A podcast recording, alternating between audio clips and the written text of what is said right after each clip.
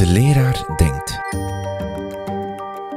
Een podcast van Buiten de Krijtlijnen in samenwerking met TeacherTap Vlaanderen en Artevelde Hogeschool.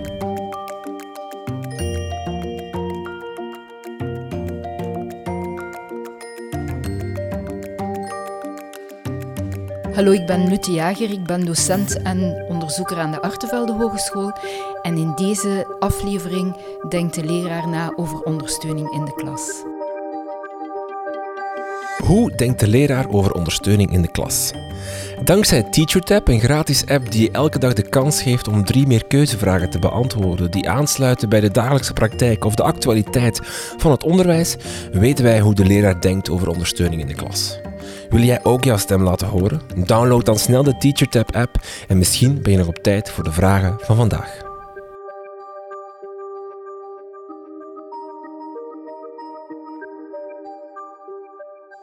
Als we kijken naar de resultaten van, eh, van TeacherTap rond ehm, hoeveel ondersteuning er gegeven wordt in de klas, dan zien we dat bijvoorbeeld in het kleuteronderwijs 40% zegt voor meerdere leerlingen heb ik ondersteuning in de klas voor leerlingen.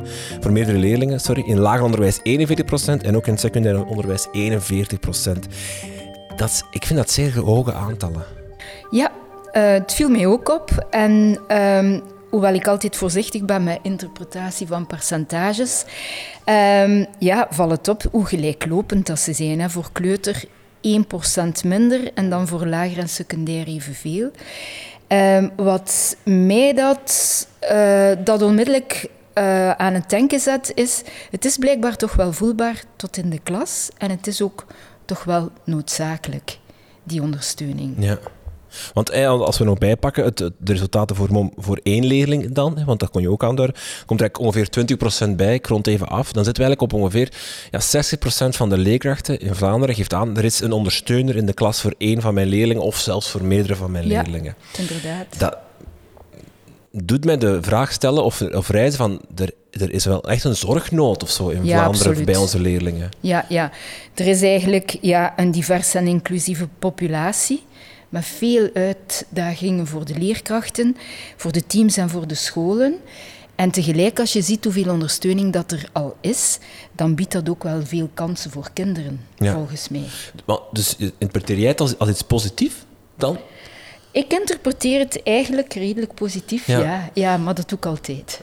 ja. Dat is super. Want je zou kunnen zeggen, ik zal dan even de negatieve stem spelen. Je zou kunnen zeggen van, er is een soort van, ofwel is er een probleem bij onze leerlingen dat ze meer ondersteuning nood hebben. Er, er is een mismatch in tussen onderwijs en de, en de leerling of zo. Of we zijn een beetje aan het overzorgen of aan het overondersteunen. En, en van, van het minste krijg je bij ons spreken al ondersteuner erbij.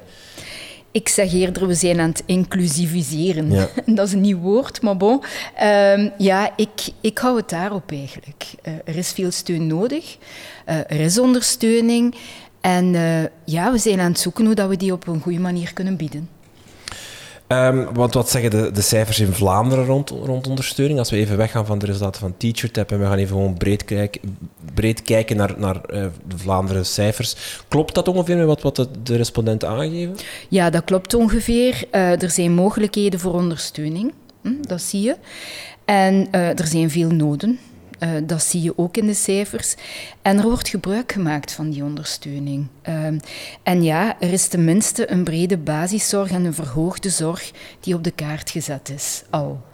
Maar er zijn nog veel extra noden. Ja, want vanaf wanneer komt een ondersteuner eigenlijk? Hoe, gaat dat, hoe werkt dat proces juist? Wel, eigenlijk is het eenvoudig. Zodra een leerling specifieke onderwijsbehoeften heeft, uh, kan er uh, beroep gedaan worden op ondersteuning. Uh, je hebt daar eigenlijk twee uh, mogelijkheden in. Je weet dat je de types hebt in het onderwijs. Type 2, um, 4, 6 en 7, uh, daar kan het uh, buitengewoon onderwijs nog altijd ondersteunen. Um, maar dan de andere types, uh, met het type basisaanbodgedrag en dan um, ASS type 9, daar moet je een aanmelding doen bij een ondersteuningsnetwerk. En dat is dan eigenlijk een lokaal samenwerkingsverband tussen buitengewoon onderwijs, onderwijs, CLB en pedagogische begeleidingsdienst. Uh, en daar ga je je zorgvraag bekendmaken. Hm.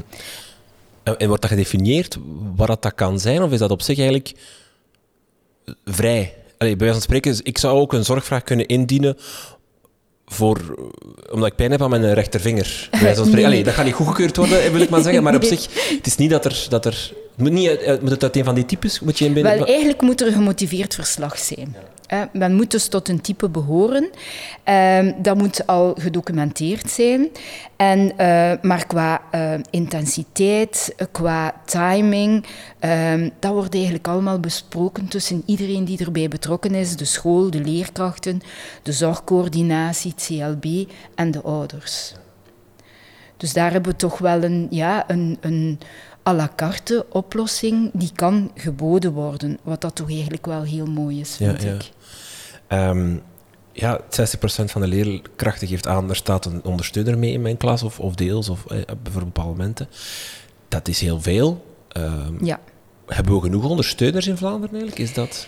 Uh, ik heb de cijfers bekeken van de openstaande vacatures voor ondersteuners. En deze ochtend stonden er 256 uh, vacatures open bij VDAB voor onderwijsondersteuners.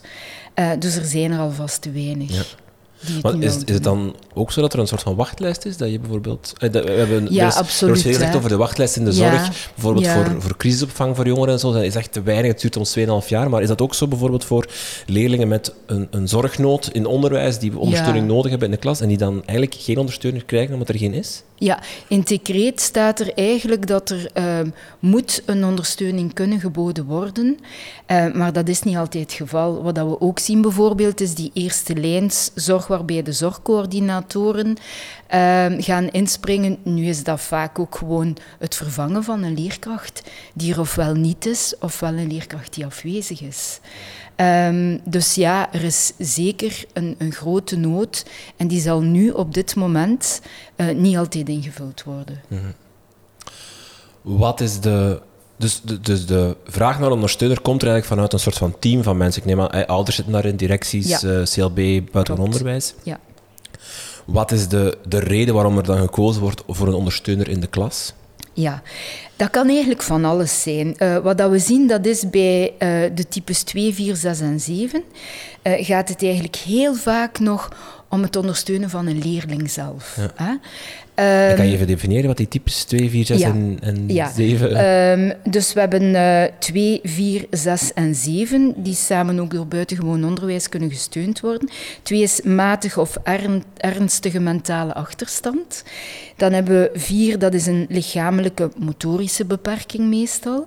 6 visueel en 7 auditief. Ja. En voor deze groep zien we dat eigenlijk uh, vooral belangrijk is uh, dat het kind zelf ondersteund wordt. Dus als daar ondersteuning gevraagd wordt, is dat meestal leerlinggericht. Bij de andere types, hè, je weet dat er twee types zijn uh, die nu samengenomen zijn tot het basisaanbod. En dat is type 1 met een licht mentale uh, beperking en type 8 met een leerstoornis. Dan noemen we samen het basisaanbod. En dan type 3 gedragsstoornissen en 9 autisme-spectrumstoornissen. Uh, daar zie je dat het eerder is de leerkracht ondersteunen in de klas of het klasgebeuren ondersteunen. Want dat is ook niet altijd duidelijk.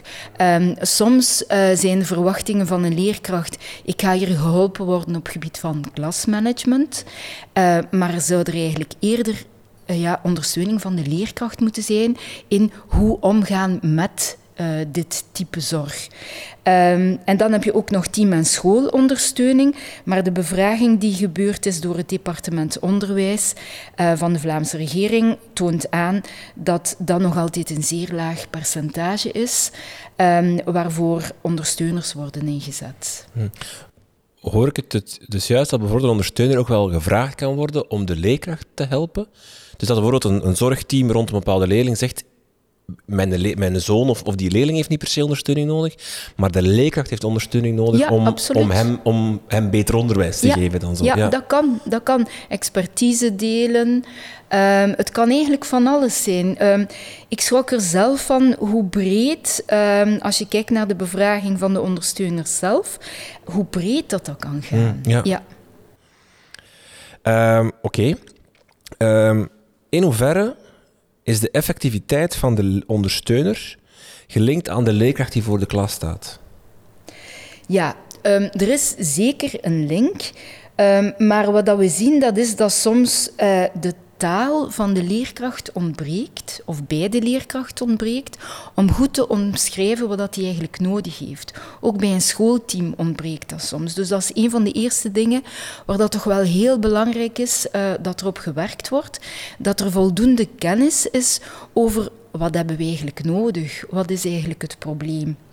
En anderzijds uh, kan het uh, ook zijn dat een leerkracht vraagt Um, ja, met, met zoveel kinderen met zorg in mijn klas uh, wil ik ondersteuning, niet alleen voor die kinderen zelf, uh, maar ook om mijn lessen goed te kunnen geven. En dat kan dan zijn dat er leerlingen uit een klas gehaald worden soms, of dat de zorgverstrekker, um, de ondersteuner, in de klas blijft. Um, soms zijn leerkrachten ook mensen die niet graag pottenkijkers in de klas hebben. Dat kan ook. Hè. Eigenlijk moet er een vertrouwensband zijn tussen beiden. Een vertrouwensband tussen ondersteuner en leerkracht. En uh, moet iedereen in een team het gevoel hebben, uh, en zeker ook die ondersteuner, dat er een mandaat is. Dat, dus, dat die ondersteuner een mandaat krijgt van de school, van de directie, van het team en van de leerkrachten om te ondersteunen. En dat is ook nog iets waar we soms naar op zoek zijn. Ja, want die vertrouwensband, ik, vraag me af of die er altijd is. Ik, ik, ik zelf heb ook te maken met ondersteuners. Die stellen zich voor in, in, in het begin van het jaar. Je hebt daar wel een babbel mee, maar om nu te zeggen van ik heb daar een vertrouwensband mee, ik heb daar een plan mee gesmeed, ik heb daarmee overlegd en we hebben afgesproken, zo gaan we het aanpakken dit jaar. Dat, die stap voel ik niet altijd. Dus, ja, dat klopt. Ja. En ik kan me wel voorstellen dat, dat dat bij anderen ook is, maar ik kan me ook voorstellen dat het compleet anders uh, ook ja, gebeurt. Ik, het verschilt een beetje van school tot school, dat is één. Wat dat we wel zien, is dat de zorgcoördinator echt de speelfiguur is. Dat dat eigenlijk de, de verbindende persoon is vaak. Um, de ondersteuners zelf, um, en dat is niet altijd eenvoudig, uh, vinden, en dat komt een beetje uit GON vroeger, willen eigenlijk ook nog altijd graag contact met de ouders. Uh, wat dan niet altijd evident is.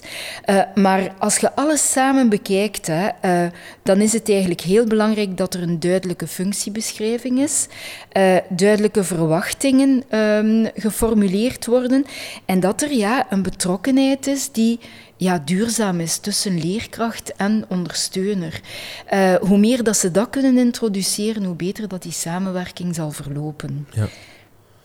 Moet er ook een soort van want ik ben aan het stiekem aan het uh, pivoteren naar de volgende de bevraging van, van TeacherTap. En die gaat eigenlijk over het geloof of het, het, het, het achterstaan van inclusief onderwijs en het soort van. Um, het voelen voor ja, het geloven in het feit dat, dat, niet, dat alle leerlingen welkom zijn in een bepaald onderwijs en dat met ondersteuning elke leerling kan slagen in onderwijs. Ja.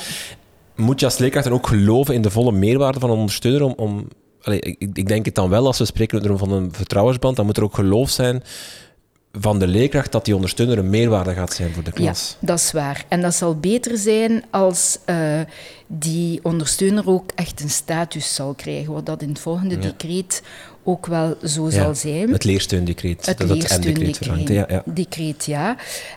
Um, maar als we kijken naar de percentages, want daar uh, ja. ben je nu naartoe aan het ja. gaan. Hè? Dus de, de, stelling was, inclusief onderwijs is een basisrecht voor elke leerling. En dan konden de, de respondenten aangeven of ze er helemaal mee eens, mee eens, neutraal, mee oneens of helemaal mee oneens wa waren.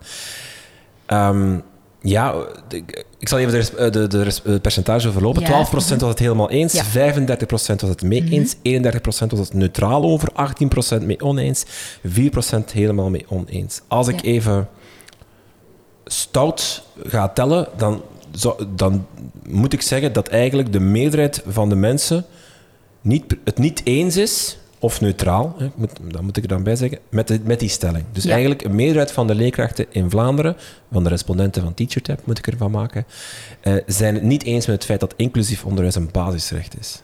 Ja. Hoe is dat binnengekomen bij jou? Die, ja, die... Ah, wel, als ik dat eerst zag, dacht ik oei oei oei. Maar dan dacht ik, oké, als we je hebt altijd ja, uitersten, maar je hebt ook een, een middengroep. Ja. En die middengroep is ook eigenlijk een heel belangrijke groep om nog iets mee te doen. Die hebben nog niet gekozen, zou je kunnen zeggen. Die en dat is de groep voilà, waar dat we toch mee echt ook aan de slag kunnen gaan. Um, dan zie ik het eigenlijk wat positiever. En dan ben ik het eigenlijk zo gaan bekijken. Waarom zou dat nu kunnen zijn? Waarom zou het kunnen zijn dat 18% er helemaal niet mee, uh, of oneens mee is, en 4% helemaal niet mee eens. En dan 31% die um, ja, twijfelt, dat die neutraal is. Um, en dan ben ik gaan nadenken over, kijk, um, ja, heeft dat te maken met de draagkracht van die leerkrachten? Hebben die al zaken meegemaakt waardoor dat ze overhellen naar een bepaalde richting of in dat neutrale kamp zitten? heeft het te maken met hun ervaring, met klasmanagement, met angst, met frustratie. Dat kan allemaal. Het kan eigenlijk ook te maken hebben, volgens mij, met zorg voor de leerlingen. Zorg dat zij het niet goed genoeg doen. En dan komen die ondersteuners natuurlijk weer in beeld. Maar dan heb ik daarbij het gevoel, en ik heb dat ook ergens gelezen, uh, dat de zorgregie van de school daar ook wel heel belangrijk bij is. Ik bedoel daarmee, hoe goed pakken zij die zorg aan? Hoe goed voelt de leerkracht zich ondersteund? Hoe goed voelt de leerkracht uh, dat hij weet waar naartoe als er iets is met een kind of als het in een groep niet lukt? En ik denk uh, dat, uh, ja, dat je daar toch wel veel kan doen. En aan de andere kant Um, heb ik ook het gevoel, um, als je aan uh, leerkrachten of aan studenten vraagt uh, die stage gedaan hebben, waar haalde je nu het meeste energie uit als leerkracht? Uh, dan is hun antwoord eigenlijk meestal heel inclusief. Want dat gaat dan vaak over, ah, ik heb de diene meegekregen, die heeft dat ook gekund. Ik had een moeilijke groep en uiteindelijk is het gelukt. Uh, dus eigenlijk denken leerkrachten volgens mij zeer inclusief. Maar het praktische dat daarnaast staat, uh, duwt hen soms eerder in dat neutrale kamp. Hè.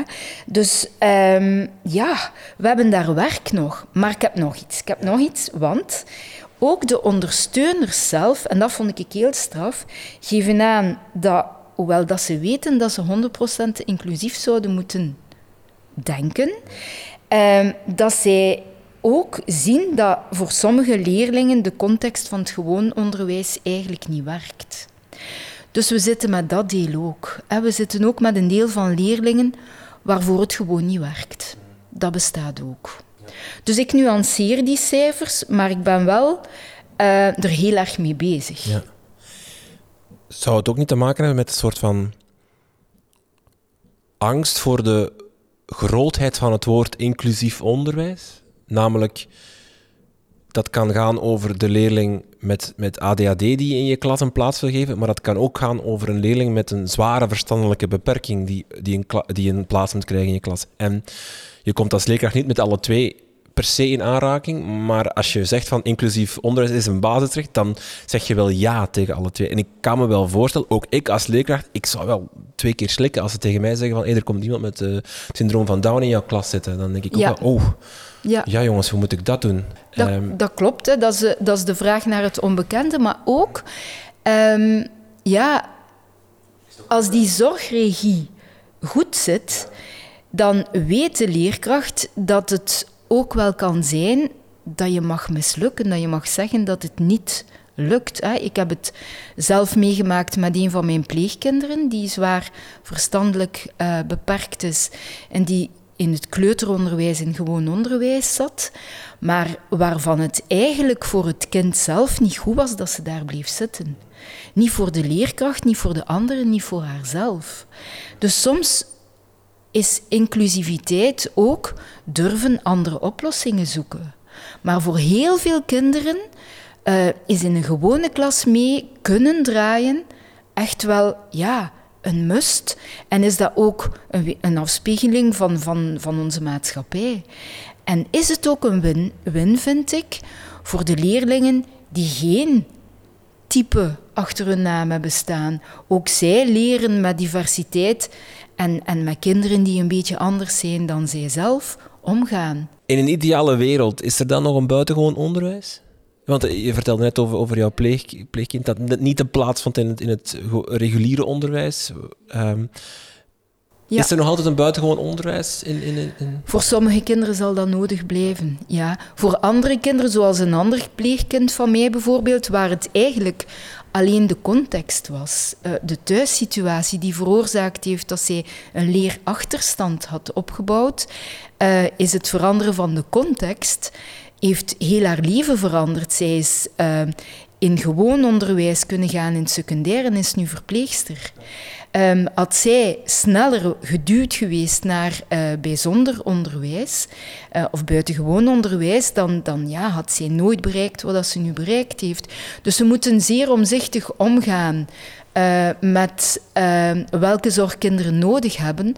Maar er zullen altijd kinderen zijn ja, die meer nodig hebben en die, die een zorg nodig hebben die niet in onderwijs, in gewoon onderwijs kan geboden worden. Maar dat zal een klein percentage zijn. Mhm. En heel specifiek. In hoeverre heeft, dat woordje inclusie een negatieve connotatie gekregen door ja, het mislopen van het M-decreet? Ik zal ik denk dat die term niet helemaal. Ik denk dat er, dat er mensen mij zouden corrigeren als ik dat zeg, het mislopen van het M-decreet. Mhm, maar mhm. het wordt vervangen. Het, het, het, wordt, het, heeft niet positief of zo een einde gekend. Uh, het heeft ook bij veel leerkrachten wel, wel um, een angst ontstaan, denk ik. Mag, mag ik dat zeggen? Ja, dat mag, dat je dat zegt. Aan de andere kant zien we eigenlijk ook dat leerkrachten zijn zorgende wezens zijn. En uh, als je het bekijkt vanuit de zorg van kunnen wij doen wat we moeten doen voor een kind, dan komt daar ineens die vraag naar ondersteuning bij. En als die vraag goed geformuleerd is, uh, dan denk ik dat uh, er een beetje van het vertrouwen dat nu een stuk verdwenen is in inclusief onderwijs bij sommigen, dat dat kan terugkeren. Wat dat je wel ook hebt, is je moet de ouders mee hebben. Uh, de ouders die een kind hebben uh, dat normaal functioneert in het gewoon onderwijs, hebben ook soms schrik van inclusief onderwijs. Uh, gaan ook soms ehm, tegenspartelen. en ja, we zien in sommige scholen dat dat nogal serieus kan gebeuren. Ehm, ja, het is, het is een mindset. De ondersteuner in of uit de klas, dat is ook een vraag waar dat TeacherTap op gefocust heeft of, of bevraagd heeft. En we zien dat 42% aangeeft van ja, liefst in de klas. Uh, en 39% geeft aan liefst buiten de klas. Dus uh, de cijfers liggen zeer dicht bij elkaar. Ja, ze liggen um, Het is op zich ook interessant dat die vraag eigenlijk gesteld wordt, vind ik. Of dat er een voorkeur is. Eigenlijk ja. zou, je, zou je als leerkracht... Don't care wat dat, wat dat, wat dat kind nodig heeft. Dat is eigenlijk het mm -hmm. belangrijkste. Maar ja. toch is er een soort van... Uh, ja, toch twee uitgesproken voorkeuren ja. of zo. Ja, een leerkracht is een mens, hè, vind ik. en een mens, ja, die heeft zijn persoonlijkheid. En, ja. en sommigen uh, ja, hebben zo'n beetje dat gevoel van uh, wat ik alleen kan doen uh, en is dan beter. is beter. En als er pottekijkers zijn, dan voel dicht. ik mij daar niet goed bij. Um, ik ga mij niet uitspreken over zijn dat de oudere of de jongere leerkrachten. Ik denk ja, dat, dat dat een beetje individueel kan, kan ja, aan uw persoonlijkheid kan liggen. Um, ik hoor toch dikwijls bij, bij mijn studenten die nu um, ja, al, al een tijdje in het onderwijs staan, uh, dat zij blij zijn dat er uh, ondersteuners in de klas komen. omdat zij ook die win-win zien vaak. Van ik leer van die experten of die ondersteuners en zij leren van mij en samen maken wij daar eigenlijk iets, iets beter van. Niet alleen, en daar ben ik zo voorstander van, voor dat ene kind dat die zorg nodig heeft, maar eigenlijk universeel voor alle kinderen. Want het kan zijn voor alle kinderen dat je op een uh, u, beter uw, uw les of uw, uw documenten structureert op manier X of Y. Um, maar bon, het kan ook zijn, um, heb ik ook gehoord nog in het weekend um, van een van mijn oud-studenten, uh, die zegt, in, in deze situatie waar ik nu in zit, is het goed dat dat bepaalde kind nu en dan eens uit de klas gehaald wordt met een ondersteuner. Voor het kind zelf dat te veel prikkel, prikkels krijgt in de klas en voor de klas, uh, ja, die wat zenuwachtig wordt als het kind overprikkeld is. Uh, dus het kan ook, kan ook zijn dat het beter is. Uh, het is persoonsgebonden bij leerkrachten. Uh, de ondersteuner en de leerkracht gaan ook daar weer echt een team moeten vormen. dat, ja, dat, dat goed nadenkt over wat is nu best. aan de andere kant vind ik persoonlijk dat een kind altijd uit een klas halen, dat je dan een beetje afwijkt van inclusief onderwijs. Hè? Dus uh, als het kan, vind ik het eigenlijk wel, als ik er zelf een mening kan over geven, uh, dat het beter is dat een ondersteuner mee in de klas is. Je gaat ook meer zien, horen, voelen enzovoort. Uh, maar het kan een keer nodig zijn ja. dat hij uit de klas gaat. Dus de vraag welke vorm is het meest effectief, dat is niet te beantwoorden, want het hangt af van de situatie. Ja, ja dat denk maar op zich, inderdaad, ik vind het wel een interessant idee dat je moet oppassen met een kind altijd uit de klas te halen als ondersteuner. Of, eh, en ook bijvoorbeeld als de leerkracht dat graag heeft, omdat je dan inderdaad niet meer aan inclusief onderwijs aan het doen bent. Dan kan je even goed. Die, dan, dan zit hij niet meer in de klas, dan is die inclusie valt hij weg natuurlijk. Ja, ja dat is waar. Um, in het lager en kleuteronderwijs eh, zien we dat de ondersteuner zich eigenlijk aanpast aan de doelen van het moment. Ongeveer 69% en zelfs in het kleuteronderwijs dat eigenlijk gewoon bijna iedereen. Uh, aan de doelen van het moment die in de klas moeten bereikt worden, daaraan gaat de ondersteuner eigenlijk um, zijn manier van werken aanpassen. In het secundair zien we dat de meerderheid, 37%, alleen dus het hoogste percentage, sorry, zo moet ik het zeggen, gaat hij meestal uit de klas met de leerlingen. Um, wat leert ons die verschillen van binnen de onderwijsvormen? Zegt dat iets over het secundair onderwijs? Dat daar Goh, toch... Ik denk hè, dat dat twee dingen doet. Dat zegt ook iets over het feit dat die ondersteuners soms nog een beetje gon denken. Um, Wacht, nu zijn we in, in uh, uh, zorgdecreten aan het spreken. Het, ja, het ja, was, was voor zij, het... Dat zij, zij zijn eigenlijk degene die uh, zorgden uh, vroeger um, dat, een, dat een student, een leerling, kon ook voor hoger onderwijs zijn, goed begeleid werd. Dat die ja, gelijke kansen kregen, kreeg in het onderwijs hè, door de begeleiding die hij extra kreeg. Um, en Vaak zijn deze gondbegeleiders nu de ondersteuners geworden. Of een deel van de gondbegeleiders zijn nu de ondersteuners geworden. En in secundair um, hebben zij nog altijd zo Uh, niet allemaal, hè. ik ga zeker niet voor algemene, maar degene die ik ken uh, en die ik erover gesproken heb, uh, die hebben zo nog die goesting om, om die leerling te begeleiden. En die leerling te leren leren en te leren hoe dat hij zijn cursus moet structureren. En ehm, hoe dat hij vragen wel op een goede manier kan interpreteren en beantwoorden. En dat zijn eigenlijk allemaal dingen die zij dan liever buiten de klas doen. Dus... Um, ja, in het secundair zit die begeleiding niet altijd. Maar bij de oudere kinderen zie ik die nog meer echt gericht naar een leerling. Die ze dan uit de klas halen en waarmee dat ze dan aan de slag gaan om te zorgen dat hij gelijke kansen heeft uh, bij het uh, volbrengen van zijn studies. Uh, in lager is dat al anders. Want ik, ik heb nooit in mijn, leek, op, mijn loopbaan als leerkracht nooit anders geweest dat het eigenlijk altijd een ondersteuner voor één leerling was. En dan kwam die soms in de klas om die leerling te helpen. Ja. Of nam die uit de klas om die leerling daar uh, bij te spijken of, of even te braden of wat. Maar ik heb nooit voor heel de klas geweten of zo. Dat dat werd opengetrokken van ik ben hier nu, ik ben hier toch, ik kom heel de klas mee helpen. En ondertussen kan ik ook die ene leerling ja, waarvoor ik hier kan. zit. Het mag inderdaad ook de vraag zijn. Het zou moeten? Ja, het, het zou mogen. ja, het zou mogen. Ja, dat is een mooi compromis. Ja. ja. Um, Oké.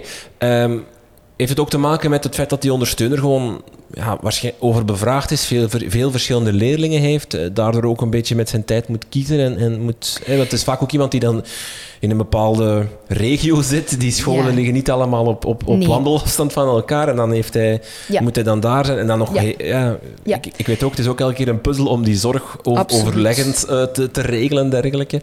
Dat dat ook een, gewoon een praktisch ding is. Van, ja, in, in secundair is dat gewoon ook moeilijker om... om ja, het want ze hebben ook dan LO, dan moet je niet gaan. Ze hebben dan, dat ene vak is wel moeilijk, dus daar kom ik dan best. Allee, het zijn zo echt wel... Ja, inderdaad. Terwijl in het lager is dat wat, wat, opener of zo? Um, ze hebben, uh, als je de bevraging van de ondersteuners bekijkt, hè, uh, dan hebben zij, proberen zij ongeveer, of mogen zij, uh, vaak maar twee uren met een leerling bezig zijn. Um, en dan moeten zij ja, zorgen dat ze dat allemaal ingeroosterd krijgen. Um, in de vakken, in de scholen. Uh, dan moeten zij ook afstanden afleggen. Hè. Ze zitten wel in de regio, maar bon. Ze zijn vaak uh, goede fietsers, die ondersteuners. dus, uh... ja, ja, inderdaad. Maar dat leidt er toch toe dat zij ehm, ja, zich de vraag stellen in hoeverre dat zij voldoende kunnen ondersteunen op deze manier. En waar zij ook de nood aan voelen, dat is niet alleen met de leerkracht en de leerling bezig zijn, maar ook met team, met de school, met CLB. En die tijd uh, ja, is heel, heel, heel beperkt. En dat vinden zij zeer moeilijk. Ja. Ja, het is, het is bijna onmogelijk om, om een meeting te hebben met eigenlijk alle leerkrachten van, in secundair dan, met alle leerkrachten van een bepaalde leerling. Inderdaad. Eh, en die ondersteunen, dat, dat krijg je. Het is al ja. een, een, een opdracht om, om één leerkracht daar al te krijgen. Hè. Met die roosters en dan een vergadering vaak overdag, is Ja, het bijna al heel moeilijk. Ja. Ja. en dat vinden zij nu inderdaad in, in het systeem waar dat ze nu in zitten, dat nog maar even is. Ja, vinden zij toch wel een, eh, een situatie die ze niet altijd evident vinden.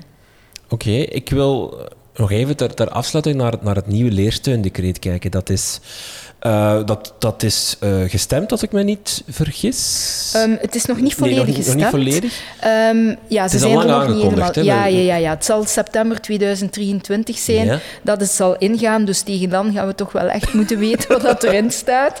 Eh, maar ehm, goh, er, er ligt al heel wat op tafel, toch? Maar het ligt nog niet helemaal vast. Nee. Dat is wel een feit. Waarbij wij het altijd mee uitpakt, is de school zal meer regie in handen krijgen. Een school zal meer kunnen zeggen, of een leerkrachtenteam, of, of zal kunnen zeggen, nee, dit gaat niet, sorry, eh, hier heeft de leerling geen plaats meer. Dat is waar, hij toch, wat, waar, waar Ben Wijts, de minister, of het, Ja. of het decreet zelf in, in de media dan, eh, vaak de nadruk op gelegd Ja. worden.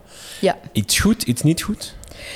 Ehm, het kan goed zijn als alle betrokkenen hun expertise daarin op een goede manier inzetten. En als het kind centraal blijft Ja. staan daarin. Alle betrokkenen, zeg je.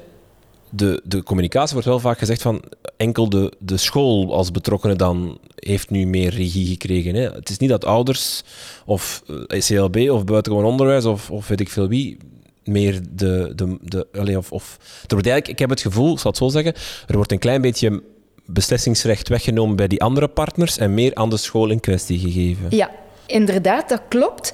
Maar wat dat ik eruit haal dat ik goed vind, eh, dat is het woordje leersteun. Ondersteuning is, is veranderd nu naar het is een leersteundecreet. En als ze dat, ik, ik, ehm, ik hoop het, hè, het is hoop dat ik uitspreek, als ze dat goed doen, eh, dan kan dat een versterking betekenen van het gewoon onderwijs, van het buitengewoon onderwijs en, en van het leren voor het kind. Hè. En dan kunnen alle betrokkenen daar toch ja, in die regie mee stappen omdat het gaat over steun aan het leren van het kind. Ehm, en het andere dat ik er goed in vind, dat is dat profiel van... ehm, en eh, ja, het profiel van die ehm, experten en van de ondersteuners, dat dat gaat vastgelegd worden. Eh, en dat ze eigenlijk ook eh, de status gaan krijgen van een zorgcoördinator. Eh, waardoor dat zij meer een, een, een functie krijgen ehm, waarvan de verwachtingen beter kunnen geformuleerd worden, hoop ik. Hè. Het is hoop, eh, dan nu het, het brede, heel brede ondersteuner. Als we dat kunnen bereiken in dat nieuw decreet, eh, ja, dan denk ik dat dat er betere keuzes gaan kunnen gemaakt worden in hoe dat wij het leren van de kinderen kunnen versterken in een klas waar kinderen die heel divers en heel inclusief zijn, samenzitten. Ja. Is het eigenlijk een soort van, van helderheid dat er moet geschept worden? In dat- Absoluut. Zo van, hé, je, je begon daarnet de, het gesprek met leerkrachten missen soms de taal om te kunnen uitdrukken wat dat ze nodig hebben. Dat is ook een soort van door het bos het bomen niet kunnen zien Ja. en, en ook niet weten wat dat die ondersteuner eigenlijk allemaal kan en doet en, en, en wil doen. En als dat misschien duidelijker wordt gemaakt door dat decreet met inderdaad dat, dat, dat, dat statuut dat er komt, Ja. dat we ook gewoon weten, ah oké, die, die, die, die, die ondersteuner kan dat en dat en dat allemaal doen. Ah, dat is wel iets wat ik nodig heb of zo. Ja. Dat er... Ja. Voor mij is het... ehm, is de hoop er dat niet meer gaat zijn... Pas op, het is niet altijd zo en nu. Maar soms is het echt wel brandjes blussen. en ja. dat moet eruit. Ja. Brandjes blussen, nee. De leerkracht werkt samen met een expert-ondersteuner... eh, die eigenlijk een functie heeft als zorgcoördinator, als, als externe zorgcoördinator. En eh, ja, je brengt eigenlijk een soort van eh, universeel ontwerp, universal design for learning, in een school, in een team en in een klas. En gestructureerd dat. Oké. Mag ik nog even peilen naar jouw persoonlijke ervaringen met, met ondersteuning in de klas? Je, hebt, je vertelde al, je hebt twee eh, pleegkinderen met, met die, die zorg nodig hadden en die ondersteuning gekregen hebben. Hoe heb jij dat zelf ervaren als dan eh, de, de, de, de mama in het verhaal, zal ik maar zeggen, om het zo even te benoemen? Ehm, ik heb machteloosheid gevoeld bij leerkrachten als het niet lukte, bijvoorbeeld met uh, de pleegdochter die uh, um, een zware verstandelijke beperking had. Uh, zeker als die beperking leidde tot agressie, omdat het kind zich niet goed voelde in de klas. Um, ik heb zeer veel mooie dingen gezien. leerkrachten hebben een ongelooflijke goesting en wil om het goed te doen. Um, en ik heb ook gezien dat je als ouder tot nu toe um, heel, ja, heel veel in handen hebt uh, om, om die regie te gaan, te gaan leiden. Um, en dat je daar soms ook wel niet weet wat dat je kan doen. Uh, dus als er een, een zorgcoördinator van de school en dan een externe zorgcoördinator, uh, aka nu de ondersteuners, um, als dat goed kan samengaan met een team in de, in de school, dat iedereen gerust kan stellen van kijk, dit is wat wij nodig hebben en dit is wat wij kunnen bieden, dan denk ik dat dat de kinderen ja, enorm te goede gaat komen. Um, en dat we niet meer zo in het, ja, in het, in het eilen gaan zwemmen uh, en allemaal het gevoel hebben dat we zelf moeten aan de touwtjes trekken. Als dat zou kunnen met dat nieuwe decreet, dat zou schitterend zijn. Oké. Okay. Lute Jager, heel veel dank voor dit gesprek. Graag gedaan.